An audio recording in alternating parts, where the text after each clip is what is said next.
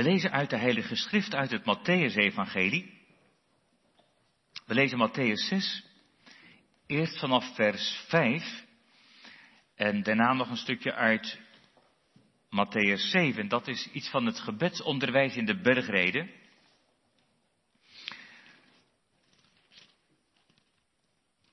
Dus Matthäus 6 vanaf vers 5.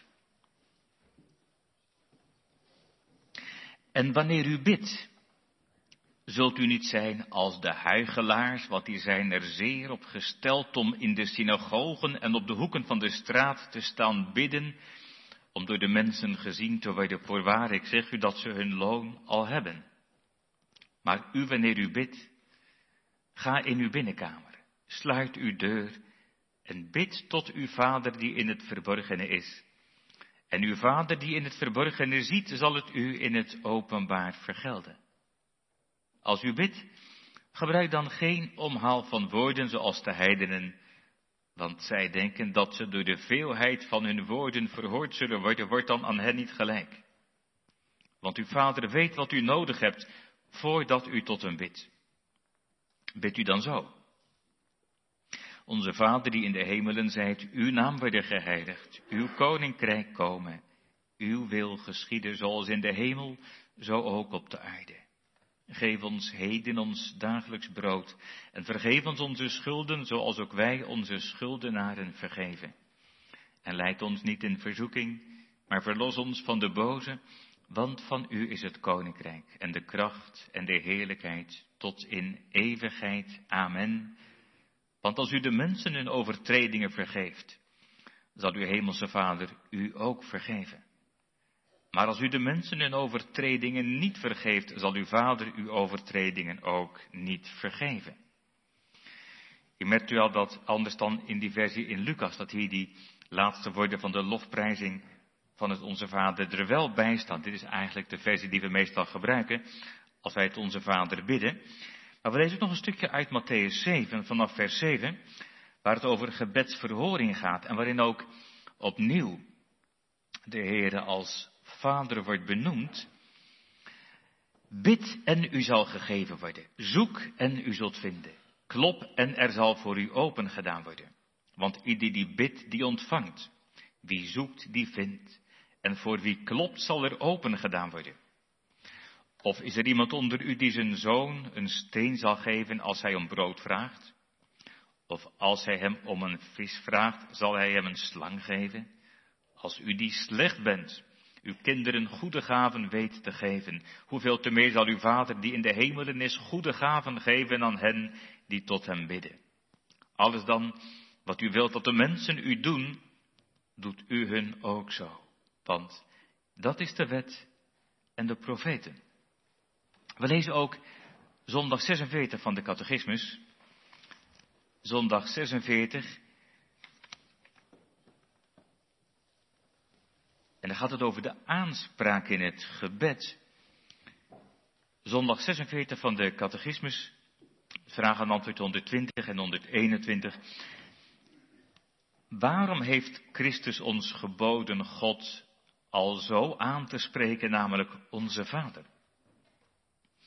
Opdat hij van stonden aan, vanaf het begin, in het begin van ons gebed, in ons de kinderlijke vrees, dus dat is het ontzag, en ook toevoorzicht, dat is het vertrouwen tot God verwekken, welke beide de grond van ons gebed zijn, namelijk dat God onze Vader door Christus is geworden. En dat Hij ons veel minder afslaan zal hetgeen wij Hem met een recht geloof bidden dan onze vaders ons aardse dingen ontzeggen. Waarom wordt je bijgevoegd die in de hemelen zijt?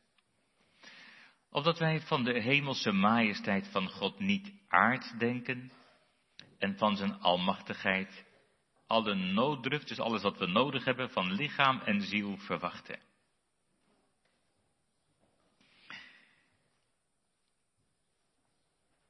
Het thema voor de preek is eigenlijk heel eenvoudig. Bidden tot onze Vader in de hemel. Dus maar zo dicht mogelijk bij die woorden van het Onze Vader en ook van de catechismus. Bidden tot onze Vader in de hemel. Nou jongens en meisjes, heb je meteen een van de vragen te pakken. Een van de vragen in het kinderboekje is toch van wat is het thema? Nou, bidden tot onze Vader in de hemel. Gemeente, ik las van een zendeling iets moois. Die zendeling vertelde dat er eens een moslimvrouw bij hem kwam. Ze wilde meer weten over God en over Jezus en over de Bijbel. En het gesprek ging ook over het gebed. En toen zei die zendeling, hij zei, spreek nou maar tot God alsof hij je vader is. En dat verraste haar, dat had ze niet verwacht. Alsof hij uw vader is. Voor haar was het bidden niet meer dan het opzeggen van bekende woorden op de voorgeschreven tijden. Eigenlijk een soort formulegebeden. Maar die zendeling leerde haar dat ze mocht vertellen wat ze op haar hart had. Bidden is spreken met God. Zoals je spreekt met vader of moeder. Dat, dat, laat ook het zien van het vertrouwelijke, van het intieme, van het spreken met God. En daar slaat de catechismus de spijker op de kop. Het gaat daar over die vadernaam in antwoord 120. En dat die vadernaam van meet af aan, vanaf het begin bedoeld is, staat er, om, om die kinderlijke vrezen. En dat is dat kinderlijke ontzag, die diepe eerbied. En dat is hier echt niet bedoeld als angst, maar wel die diepe eerbied en toevoorzicht. Ja, wat is dat nou weer? Nou, dat is weer een vraag voor de kinderen in je boekje. Dat woordje toevoorzicht. Wat betekent dat? Weet je wat dat betekent? Dat betekent vertrouwen. Is ontzag en vertrouwen. Dus dat vrees en toevoorzicht, ontzag en vertrouwen. Om die woorden gaat het. En de aanspraak wil dat dus wekken. Eerbied en vertrouwen. En dat vertrouwelijke betekent ook dat we niet hoeven te proberen om indruk te maken. Misschien is dat gevaar voor een ambtsdrager nog wel veel groter, dat je toch wilt mooi bidden, ook als dominee, dat je graag mooi wilt formuleren. Maar dat is eigenlijk alleen, alleen maar rarigheid natuurlijk. Dat je probeert een indrukwekkend gebed te maken. Wat, wat heeft dat nou voor waarde voor God? Het gaat toch niet om mooie woorden? Als je thuis komt, dan zeggen ze, doe maar normaal. Als je een heel deftig verhaal gaat houden tegen je vader of je moeder, dan zeg je, ja, doe maar normaal, zeg maar gewoon wat je wilt. En met eerbied gesproken, dat zegt de Heer nu ook. Dat is wat in de catechisme staat. En wat de Heer Jezus zelf ook zei, we hebben dat gelezen. Matthäus 6, vers 7 en 8, toen als u bidt, gebruik dan geen omhaal van woorden, zoals de heidenen. Dat doen de heidenen, zegt Jezus. Die denken dat ze door mooi te bidden en lang te bidden en plechtig te bidden, indruk kunnen maken op God.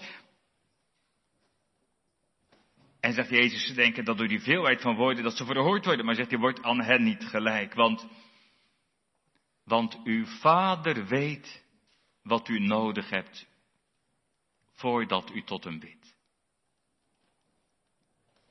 Dat betekent natuurlijk niet dat je niks hoeft te zeggen. Zo van, nou, hij weet het toch al wel. Dat zullen je vader en je moeder ook niet zeggen, denken jongens en meisjes toch? Dan zeggen ze niet, ja, ik wist het toch wel, zeg maar niks. Nee, ze willen juist dat je dingen vertelt. En dat je met ze spreekt. Dat is wat de Heere wil.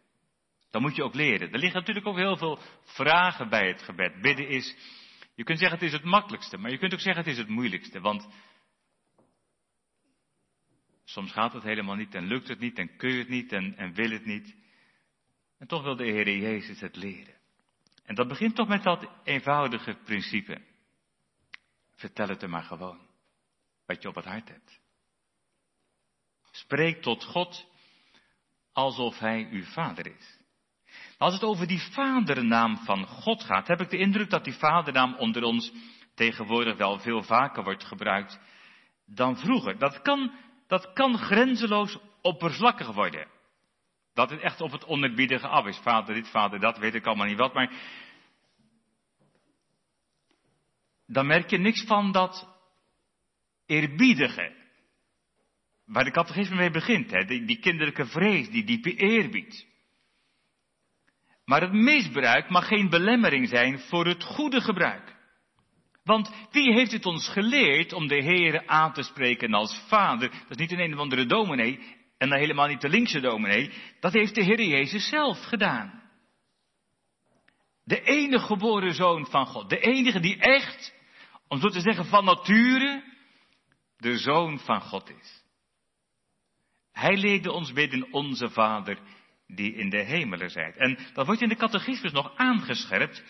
Er staat niet alleen dat het mag, nee, er staat in die vraag al, waarom heeft Christus ons geboden? Hij laat het niet aan ons believen over, nee, het is een gebod, staat er. Hij heeft het ons geboden. Toch is het niet overal gebruikelijk om de Heer aan te spreken als vader. En het valt me ook op dat daarin de uitersten elkaar raken. Zeg maar in de linkerflank van de kerk, in de liberale, de wat vrijzinnige hoek, zul je bijna nooit je vadernaam horen. Als je daar gebeden hoort, dan is het vaak God en verder niks. Of eeuwige, of andere afstandelijke benamingen. Maar dan zul je de vadernaam niet gauw horen aan de linkerflank van de kerk. Maar aan de rechterflank evenmin. In de behoudende flank kan men ook heel huiverig zijn voor de vadernaam. Dat men het wat oppervlakkig vindt. Je gaat in de zomer bidden tot hem alsof hij onze vader is. Dat kan toch niet? Dat doe je toch niet? Dat, dat is niet eerbiedig, maar vindt het veel eerbiediger om, om te zeggen ontzagwekkende majesteit of rechtvaardig en heilig torenend wezen. Ik weet niet wat voor benamingen soms gebruikt kunnen worden. Dat lijkt veel eerbiediger. Maar of dat waar is, of dat eerbiediger is, dat, dat, dat is maar de vraag. Jij zegt iemand, is het dan verboden om andere namen te gebruiken? Mag je dan niet zeggen Heere of, of Heere Jezus of... Nou, als dat niet zo was, als dat niet mocht, dan had het in de Bijbel ook niet gestaan. Maar er zijn in de Bijbel heel veel gebeden dat er ook andere namen worden gebruikt. Het is niet alleen maar Vader. Er worden heel veel aanspraken gebruikt in de psalmen, ook in het Nieuwe Testament, in al die gebeden die we in de Bijbel vinden. Maar wel dit Christus dat in al die andere aanspraken door zal klinken, dat besef dat Hij onze Vader is. En misschien is het goed om daarbij te zeggen dat, dat, dat wil niet zeggen dat je alleen maar bidt tot, om zo te zeggen, de eerste persoon, tot God de Vader in onderscheid van de Zoon. Maar die aanduiding vader is echt bedoeld voor de drie ene God. Net als het woordje Heere met hoofdletters, de, de verbondsgod ook staat voor de drie ene God, de Vader en de Zoon en de Heilige Geest. Ja, maar je kunt er niet zomaar zeggen dat, dat Hij onze Vader is, zegt iemand misschien. Dat kun je niet zomaar zeggen. Dat, dat zou dan betekenen dat we allemaal kinderen van God zijn. Nou, als je bedoelt met kinderen van God dat we allemaal wedergeboren zouden zijn.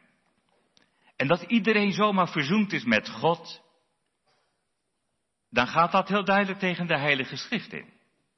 In de Bijbel vind je altijd weer koren en kaf, dat onderscheid. Maar toch wordt in de Bijbel die vadernaam wel gebruikt voor alle mensen. Ik zal een paar voorbeelden ook noemen. Dan gaat het over de Heere God als de schepper van alle mensen. Of ze in de kerk komen of niet. Want er is niemand die kan zeggen, ik heb niks met God te maken. Ieder mens is geschapen door God.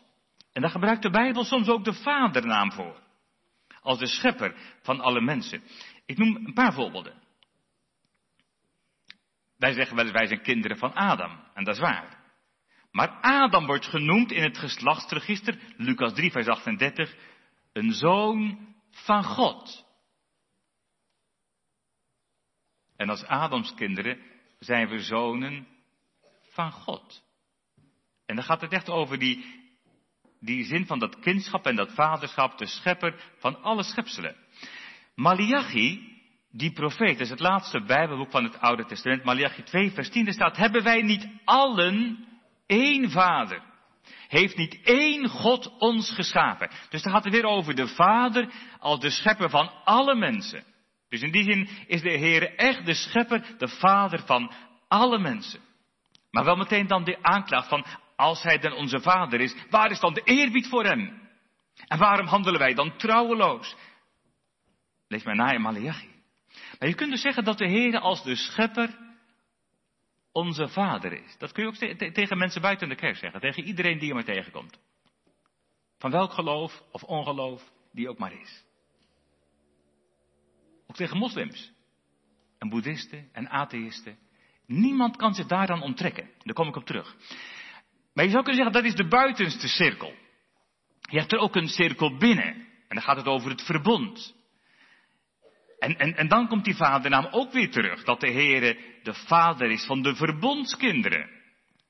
Ik noem een voorbeeld uit Deuteronomium 32 vers 6. Dan, dan, dan zegt Mozes tegen het volk, tegen Israël, is hij niet uw vader die u verworven heeft, die u gemaakt heeft en u stand heeft doen houden. En dan gaat het over alle Israëlieten.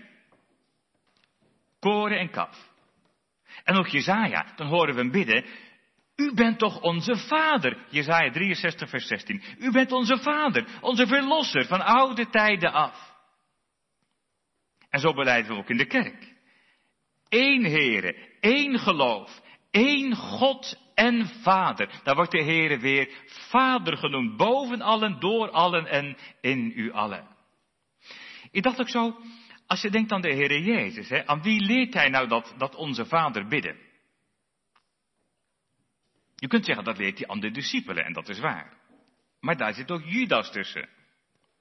Maar juist in die bergreden wordt duidelijk dat het niet alleen de discipelen zijn, maar ook al die mensen op die berg, bij die bergreden, die zijn komen luisteren. En al die mensen horen hem dit gebedsonderwijs geven. En bij al die luisteraars mogen we ons vanmiddag aansluiten. En zo horen we met al die mensen die Jezus hoorde spreken op die berg, bij de bergreden, dat hij ons leert bidden, onze Vader die in de hemelen zijt. En toch weer die vraag, mag ik hem wel vader noemen? Ben ik wel een kind van God? Dat, dat, dat, dat je zegt, ja, maar ben ik wel verzoend met God? Dat je zegt, ik, ik, ben, ik ben helemaal niet bekeerd. Ik, ik kan helemaal niet zeggen dat ik echt geloof. En toch blijft staan dat de Heer recht heeft op u, op jou, op mij als vader. En hij heeft er recht op dat we hem aanspreken als vader. Dat recht heeft hij als onze schepper. Dat recht heeft hij ook als de God van het verbond. Je bent immers in zijn naam gedoopt. En dat recht heeft hij ook als je nog niet persoonlijk verzoend bent met God en in die tere zin weet van de aanneming tot kind. Hij heeft en hij houdt dat recht om vader genoemd te worden.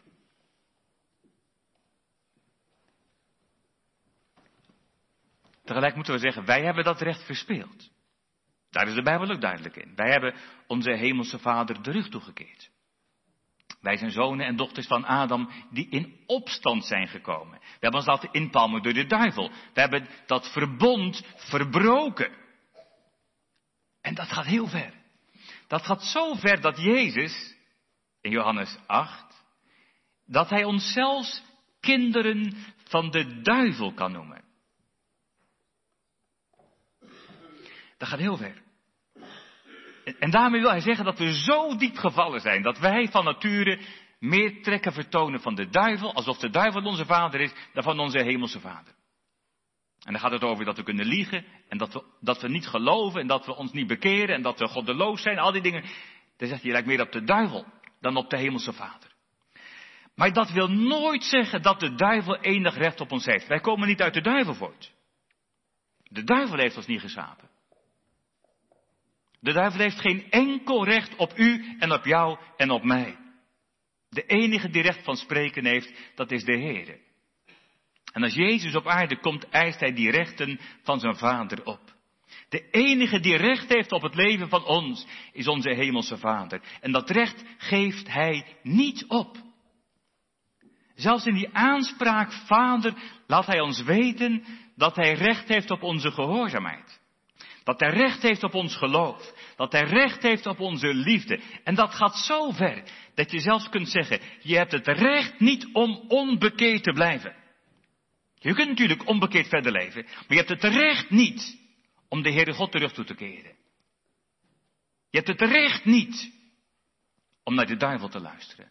Er is er maar één die recht heeft op ons hart. En dat is Hij die zegt, geef mij je hart. En dat is Hij. Ja, wat wil Hij dan? Wat wil Hij dan? Nou, dat, dat vertelt de Heer Jezus in die gelijkenis van de verloren zoon. Je zou die gelijkenis misschien beter kunnen noemen de gelijkenis van de vader. Want het gaat natuurlijk veel meer om de vader dan om die beide jongens. Wat wil die vader in de gelijkenis? Hij heeft gezien dat die jongen hem de rug toekeert. Hij heeft gezien dat, dat zijn zoon alleen maar gaf om zijn geld, de erfenis, die wilde hij wel, maar de rest kon nog gestolen worden. Hij heeft gezien hoe zijn zoon hem heeft gekrenkt en veracht. En wat doet die vader in de gelijkenis? Jongens en meisjes, wat doet die vader?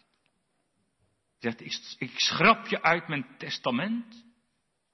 Dat had hij kunnen doen. Wat doet die vader? Hij blijft wachten. Hij blijft wachten tot zijn zoon tot inkeer komt. Tot zijn jongen berouw krijgt. Hij blijft wachten tot zijn zoon zich omkeert en terugkeert. Daar gaat het om in de bekering. Ik heb het wel eens uitgelegd, bekering kun je drie woorden gebruiken. Inkeer, dat je tot inkeer komt. Omkeer, je keert je oude leven de rug toe en terugkeert, terug naar God. Terug naar Vader, terug naar mijn hemelse Vader. Ja, maar wat zal die hemelse Vader doen? Ik heb de relatie verbroken. Zou die mij nog willen zien? Ik heb geen recht van spreken. Dat vind ik ook het mooie van die gelijkenis. Dat zegt die jongen ook. Hij zegt niet, nou, dan kom ik eventjes weer terug en dan krijg je nog een stuk van die erfenis en, uh, uh, uh, niks ervan. Helemaal niks ervan. Wat zegt die jongen? in Lucas 15. Hij zegt, Vader, ik heb gezondigd tegen de hemel en tegenover u. Ik ben het niet meer waard uw zoon genoemd te worden. Dat leert hij je toch ook? Ik ben het niet meer waard. En, dan, dan gebeurt het wonder. Dan slaat vader zijn armen om hem heen. Dan wordt vergeving werkelijkheid. Dan wordt die relatie hersteld. Dat is verzoening, onverdiend. Alleen omdat Hij zo goed is, verzoening alleen om Jezus wil. Inderdaad. Dat is alleen om Jezus wil. In de catechismus in antwoord 120 staat dan door Christus. Dat Hij onze Vader door Christus is geworden. En dan gaat het ook over de aanneming tot kinderen. In die diepe zin. Want deze Jezus, die ons leert bidden, onze Vader, hij weet als geen ander dat wij van nature verloren zonen en dochters zijn. En dat we uit onszelf erbuiten staan. Om zo te zeggen dat we bij de varkens leven. Al woon je misschien in een prachtig huis. Heb je een mooie baan, een mooie auto. Maar vanuit God gezien leven we zonder Jezus bij de varkens. En Jezus is gekomen om verloren zonen en dochters weer thuis te brengen. Hij, geeft je niet zomaar eventjes een paar woorden om een mooi gebed te leren. Maar als hij die woorden ons leert, dan, dan heeft dat voor hem alles gekost. Dat denk ik aan het begin van het Johannesevangelie. Daar staat er van Jezus, hij kwam tot het zijne. Hoort u dat? Zo, zo worden wij genoemd. De zijnen. Hij zijn schepselen. Je kunt u denken aan zijn volk Israël, maar het gaat ook over alle mensen. Hij kwam tot het zijne. Maar de zijnen hebben hem niet aangenomen. En toch gebeurt er iets. Maar allen die hem aangenomen hebben, heeft hij macht gegeven kinderen van God te worden. En dan gaat het over de gelovigen, namelijk die in zijn naam geloven, in de naam van Jezus. En er staat, die zijn niet uit het bloed geboren, niet uit de wil van het vlees en van de man, maar uit God geboren. Dat geeft die glans aan het gebedsonderwijs van Jezus. Want Hij is de enige die in die diepe zin vaders enige geborene is. Er is er maar één die, die echt kan zeggen, ik ben de enige geboren, dat is Hij. En Hij is het, die is gekomen om verloren zonen en dochters aan te nemen en terug te brengen naar het vaderhuis. En hij, hij zegt, hij zegt, het is niet alleen mijn vader, maar ook uw vader. Hij leert ons bidden onze vader. Niet mijn vader, maar onze vader. En door het geloof in hem ontvangen die aanneming tot kind ook in die allerdiepste zin. Dat geeft vrijmoedigheid in het gebed. Dat zien op Jezus. Dat merk je ook in antwoord 120. Dat vertrouwen staat er dat hij ons veel minder zal afslaan wat we hem met een recht geloof bidden, dan onze vaders ons aardse dingen ontzeggen. Dan gaat het over dat vertrouwen op hem. Ik herinner mij een oudering in een van de vorige gemeenten. Hij leeft inmiddels niet meer, maar, of moet ik zeggen, hij leeft bevorderd tot hoger heerlijkheid. Maar die zei, ik zeg tegen hem, dominee, ik ben het niet met u eens. Dat u zegt dat wij bedelaars zijn en dat wij bedelaars blijven. ik, wat bedoelt hij nou? nou ik had hij van alles over opgeschreven. En toen zei hij, hij zei nou, een bedelaar heeft geen recht van spreken. En een bedelaar moet maar afwachten wat hij krijgt. Maar zei hij, wij mogen een beroep doen op Gods eigen beloften. Wij mogen een beroep doen op dat genaderecht. Ja, wij hebben niks in te brengen, maar we mogen een beroep doen op wat Hij zelf gezegd heeft. De Heer heeft die beloften gegeven, waarop Hij aangesproken wil worden, waaraan Hij gehouden wil worden. En, en toen moest ik toch zeggen, nou beste broeder, daar, daar geef ik u helemaal gelijk.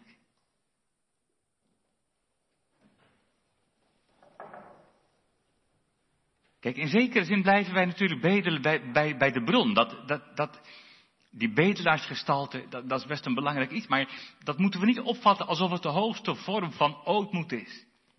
Dat we alleen maar blijven kermen en smeken. Alsof de Heere God, ja, alsof je nooit weet waar je aan toe bent. Dat, is niet tot eer van God. Soms wordt ook het voorbeeld gebruikt van Esther. Esther die naar koning Ahasveros gaat. En er zitten best mooie dingen in natuurlijk. Maar dan, dan heb je koningin Esther. Dan, dan, dan wil ze naar de koning om te pleiten voor haar volk. Maar, maar dan mag ze niet zomaar naar binnen komen. Al is ze de koningin. Want als ze ongevraagd binnenkomt bij koning Ahasveros, dan kan die in woede ontbranden of dat hij gestoord wordt. En als ze zomaar gaat om voor haar volk te pleiten, nou dan, dan, dan, dan zou het zelfs haar leven, of in ieder geval het koninginneschap kunnen kosten. Maar als die koning zijn gouden scepter aanreikt, dan, dan is het goed. En dan, dan zie je in gedachten koningin Esther gaan. En dan heeft ze van tevoren gevraagd of iedereen wil bidden voor haar. En of ze willen vasten voor haar. En dan gaat ze uiteindelijk vol angst en vrees. En dan weten we wat ze denkt. Dat staat in de Bijbel. Dan zegt ze, kom ik om, dan kom ik om. Want ze was haar leven niet zeker. Nou, nou, zo kun je ook naar de Heere God gaan. Dat je zo bang bent voor zijn heiligheid en voor zijn majesteit. En als je iets van je zonde beseft, dan begrijp je dat wel. En je, je beseft, met één slag kan die me wegvagen. En toch, en toch. Is dat de manier waarop Hij wil dat we bidden? Is het Zijn wil dat we alleen maar sidderend en bevend voor Hem op de grond vallen? Is het Zijn bedoeling dat we nooit weten waar we aan toe zijn? Is de Heer te vergelijken met zo'n grillige machthebber, zo'n Oosterse koning? Bij, wie je nooit weet hoe die zal reageren. Is het werkelijk tot eer van Hem als we zo denken van Hem? En als we zo tot hem naderen. Leert Jezus ons niet heel anders? Hij leert ons bidden, onze Vader, die in de hemelen zijt. En ik las bij iemand, hij zei dan, dan reikt hij bij wijze van spreken die gouden scepter al toe.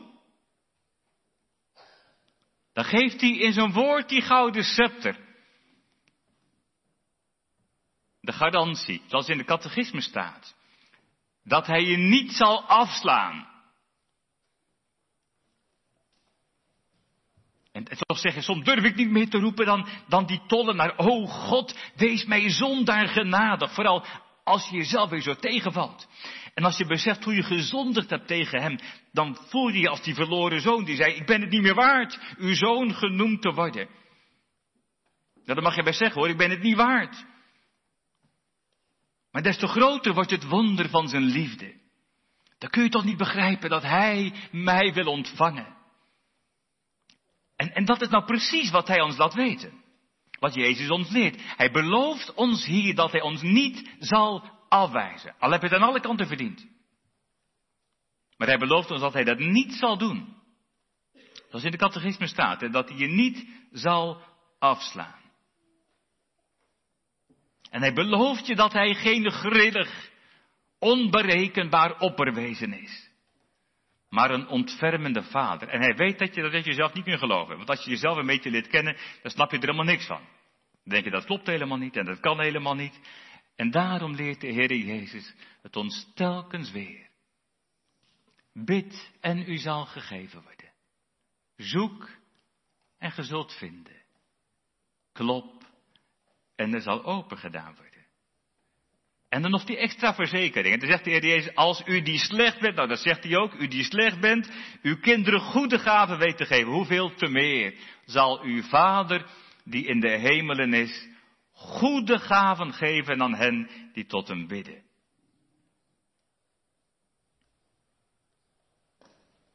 Wat ben ik blij dat dat in de Bijbel staat, want ik had dit anders niet durven denken en ook niet durven zeggen. Maar dan geeft de Heer je die gouden scepter. Wat een wonder dat hij dat doet. Om Jezus wil. Daar heeft hij, die dit gebed ons leert, de prijs voor betaald. En, en daar weet u best, dat is geen garantie dat we alles krijgen wat we vragen. Dat, dat zit ook in die aanspraak, onze vader. Maar jongens en meisjes, ik denk dat er niemand van jullie is die weet, ik krijg alles wat ik vraag. Of wel? Krijg je dat? Als je, als je wat vraagt, krijg je alles? Dat er niet. Er is niemand die alles zomaar krijgt. Dat kan toch ook niet? Dat is ook, ook niet goed, zeg je dan. Nee, inderdaad. Als, als de Heer wil dat we Hem aanspreken als onze Vader, dan leert Hij ons daarmee dat wij erkennen dat Hij het beter weet dan wij. Dan mag je wel alles vragen, maar dan leg je het in zijn hand. Dat is ook wat ik had genoemd, dat je, dat je bidt met een recht geloof. Dat, dat, dat je erbij beleidt, u weet het beter dan ik. Dat is ook dat vertrouwen van de Heer. Ik, ik, zou dit zo graag willen, dat mag je vragen. Maar dat je erbij zegt, uw wil geschieden. Want u bent die hemelse vader. En, en die aanspraak, onze vader, leert ons ook om te letten op de bedoeling van hem. Wat is de bedoeling van onze hemelse vader? En wat is zijn bedoeling met ons leven? Wat, wat wil hij eigenlijk met ons leven? Dat je zo lang mogelijk op aarde blijft leven. Nou, daar mag je best om vragen. Maar is dat zijn diepste bedoeling? Is het zijn bedoeling dat we op aarde zo rijk mogelijk worden, zoveel mogelijk verdienen? Is het zijn bedoeling dat we zo comfortabel mogelijk leven? Dat ons huis steeds mooier wordt en steeds groter en onze auto als u het hebt, ik gun het u van harte. Maar is het zijn bedoeling dat we voor deze aarde leven? Of dat er nog wat meer is? Is het zijn bedoeling dat we leven voor die nieuwe hemel en die nieuwe aarde? Is het zijn bedoeling dat we hier op aarde leren niet om verwend te worden, maar om die goede strijd te strijden? Tegen de zonde, tegen de duivel, tegen de verleidingen van de wereld dat we hier op aarde geoefend worden. Ook door de beproevingen en verdrukkingen heen. Het diepste doel ligt niet hier. Onze hemelse Vader heeft een hoger doel. Een dieper doel. Niet dat je hier op aarde leeft om naar deze aarde te vergaan. Maar dat je toeleeft naar dat hemelse vaderhuis. Is het zijn bedoeling misschien dat we leren hier op aarde kruis dragen achter zijn lieve zoon, die zelf dat kruis gedragen heeft. de Heere Jezus Christus. We hebben onze verlangens. En die kunnen heel intens zijn. En wie verlangt er niet naar gezondheid? Of naar genezing? Wie verlangt er niet ja, naar zegen hier op aarde?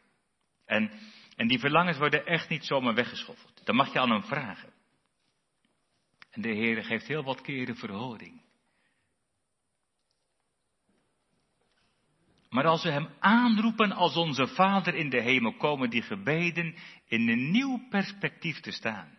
Dan gaat het om de plannen van onze hemelse Vader. Dan gaat het om het perspectief van dat hemelse huis. Dan zijn er dingen die belangrijker zijn. Dan, dan zoveel wat we graag zouden willen. Dan is het eerste wat telt dat je niet als die verloren zoon bij de varkens blijft. Maar dat je terugkeert en dat we zullen leven met Hem. Dat ons leven een leven met Christus is. Dat wordt ook benadrukt in vraag en antwoord 121. Dan heb je die toevoeging die in de hemelen zijt. Dat is een toevoeging die herinnert ons eraan dat de Heer geen gewone vader is of geen gewone moeder. Dat waarschuwt ook voor al te menselijk denken over Hem. Om iets te noemen, dat vaderschap van God, dat is niet alleen maar wat wij mannelijk noemen. Al gaat het over onze vader. Maar dat is ook moederlijk. Jezaja spreekt ook over de Heere als een moeder. Zegt, hij, dan, zegt hij, Sion klaagt, de Heere heeft me vergeten. En dan zegt hij, dan zegt hij, kan nou een vrouw haar zuigeling vergeten? Dan vergelijkt hij de Heere met een moeder. Dus dat, dat, dat vaderschap is niet zoals mensen mannelijk alleen zijn. Dat beeld van God is, dat, dat komt ook altijd in die huwelijksgesprekken aan de orde. Dan vraag ik vaak, is, als de mens naar het beeld van God is geschapen, is het mannelijk of vrouwelijk? Dat is altijd aardig wat ze dan zullen zeggen. Maar in de Bijbel staat het is mannelijk en vrouwelijk. Dat is best bijzonder. Dus je moet er ook niet al te menselijk van denken. Niet al te menselijke voorstelling. Het is onze Vader in de hemelen. Dat kan ook helpen als je misschien negatieve gevoelens tegenover je vader hebt. Soms kun je teleurgesteld zijn in je aardse vader. Soms ben je gekwetst door je aardse vader. Soms is die relatie met je aardse vader verstoord. Wat kan dat moeilijk zijn? Soms zijn aardse vaders ook echt ontaarde vaders. Dat ze de kinderen kwaad doen. Afschuwelijk is dat. En dan, dan, dan leert die aanduiding onze Vader in de hemelen ook, ja, dat Hij niet is zoals aardse vaders. Dat, dat Hij de hemelse Vader is. Voor Hem hoef je nooit bang te zijn. Hij, hij, hij is geen bedrieger. Hij is, hij, hij is volkomen heilig en goed en betrouwbaar en barmhartig. En tegelijk, Hij is wel onze Vader in de hemelen. Het laat ons ook iets van zijn, van zijn majesteit en van zijn heerlijkheid zien, zijn almacht. Hij is de schepper van de hemel en van aarde, onze Vader in de hemelen. Als ruimtevaarders in de ruimte komen, dan zijn ze vaak diep onder de indruk. En als een ruimtevader christen is, dan kan hij tot de meest uitbundige aanbidding van onze schepper komen. En dan, dan, dan is die ruimte voor ons gevoel eindeloos. Daar kunnen die grenzen helemaal niet meten. En dan dat ongelooflijke wonder, dat de schepper van hemel en aarde, van heel dat heelal, waarvan wij de grenzen niet kunnen meten, dat hij die kleine aardbol, het lijkt, het lijkt een speldenknop in dat heelal, dat hij die kleine aarde ziet. En dat hij om mij geeft, een van die miljarden mensen, op die speldenknop in de ruimte. En dat hij zoveel om mij geeft. Dat hij zijn enige geboren zoon naar deze aarde wilde sturen. Ook voor mij. En dat het zijn zoon is die me leert bidden. Onze vader die in de hemelen zijt. Dan gaat het je duizelen als je oog krijgt voor zijn grootheid. En voor zijn majesteit. Hoe zal ik tot hem gaan? Hoe zal ik hem vader noemen? Je durft het niet. Maar Jezus leert je bidden, onze Vader die in de hemelen zijt. Hij geeft je vrijmoedigheid. Dat doet hij door zijn woord. Dat doet hij in het bijzonder door zijn Heilige Geest. Dat is die Heilige Geest die woont in de harten van de gelovigen. Dat is de geest van de aanneming tot kinderen. Dat is die geest die je leert roepen, Abba, Vader. Dat zijn die kostbare hoofdstukken uit Romeinen 8. Want u hebt niet de geest van slavernij ontvangen die opnieuw tot angst leidt, maar die geest van de aanneming tot kinderen, door welke we roepen Abba Vader. En deze geest getuigt met onze geest dat we kinderen van God zijn. Wat een troost ligt daarin. soms gaat dat zo anders dan je wilt. En soms heb je het zo moeilijk. En soms begrijp je helemaal niet waarom. En dan denk je, waar bent u dan? Maar dan wordt die geest actief. Op een ziekbed op een sterfbed. Of bij een jongere die het moeilijk heeft. Of bij een oudere die door een donker dal gaat. Dan wordt die geest actief. Hij leert je roepen, Abba Vader. Dan mag je zeggen, Heer, hier ben ik. Hier, hier ben ik. Ik ben toch uw kind. U bent toch mijn hemelse Vader. Dan mag je weten dat, dat je al die zorgen, en al die noden bij hem mag brengen. En dat al die noden waarin je soms helemaal vastloopt, dat het ook zijn noden zijn. En dat al die problemen van mij, dat het ook zijn problemen zijn. Dat het ook zijn zorg is, want je bent van hem. En hij laat zijn kinderen niet in de steek, wat er ook gebeurt. Ja, die geest getuigt met onze geest dat we kinderen van God zijn. Wat is dat een kostbaar heilschijn. Dat is die liefde Zie hoe groot die liefde is die de Vader ons heeft gegeven. Dat we kinderen van God genoemd worden. 1 Johannes 3, vers 1. Die liefde kan je ontroeren. Dan, dan, weet je dat niet met die liefde is te vergelijken. Die, die liefde geeft je ook moed. Ook als je onder druk wordt gezet om, om, om de Bijbelse waarheid los te laten. Dat wordt je vandaag niet altijd in dank afgenomen als je blijft bij de Bijbel, bij de geboden van de Heer, bij de liefde van God. Maar die liefde van Hem overtuigt je tot in het diepst van je hart liever alles kwijt dan Hem kwijt.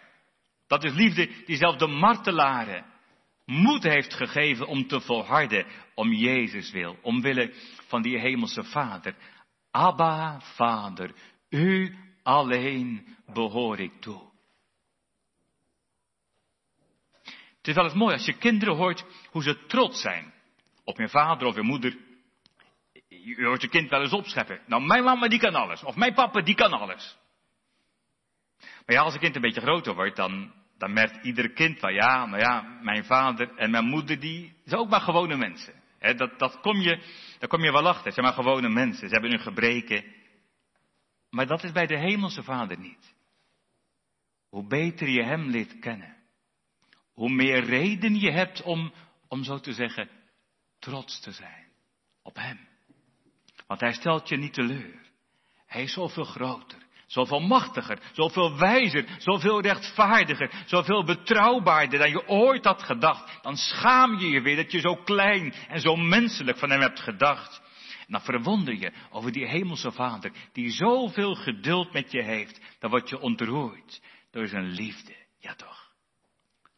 Dat is die geest die zich gaat roeren in je hart en die je hart ontroert. Het is die geest die het je voorzegt en die je doet instemmen, misschien aarzelend en stamelend. Onze Vader die in de hemelen zijt. Hij brengt je tot de overgave. Abba, lieve Vader, u die in de hemelen zijt, uw naam worden geheiligd. Amen.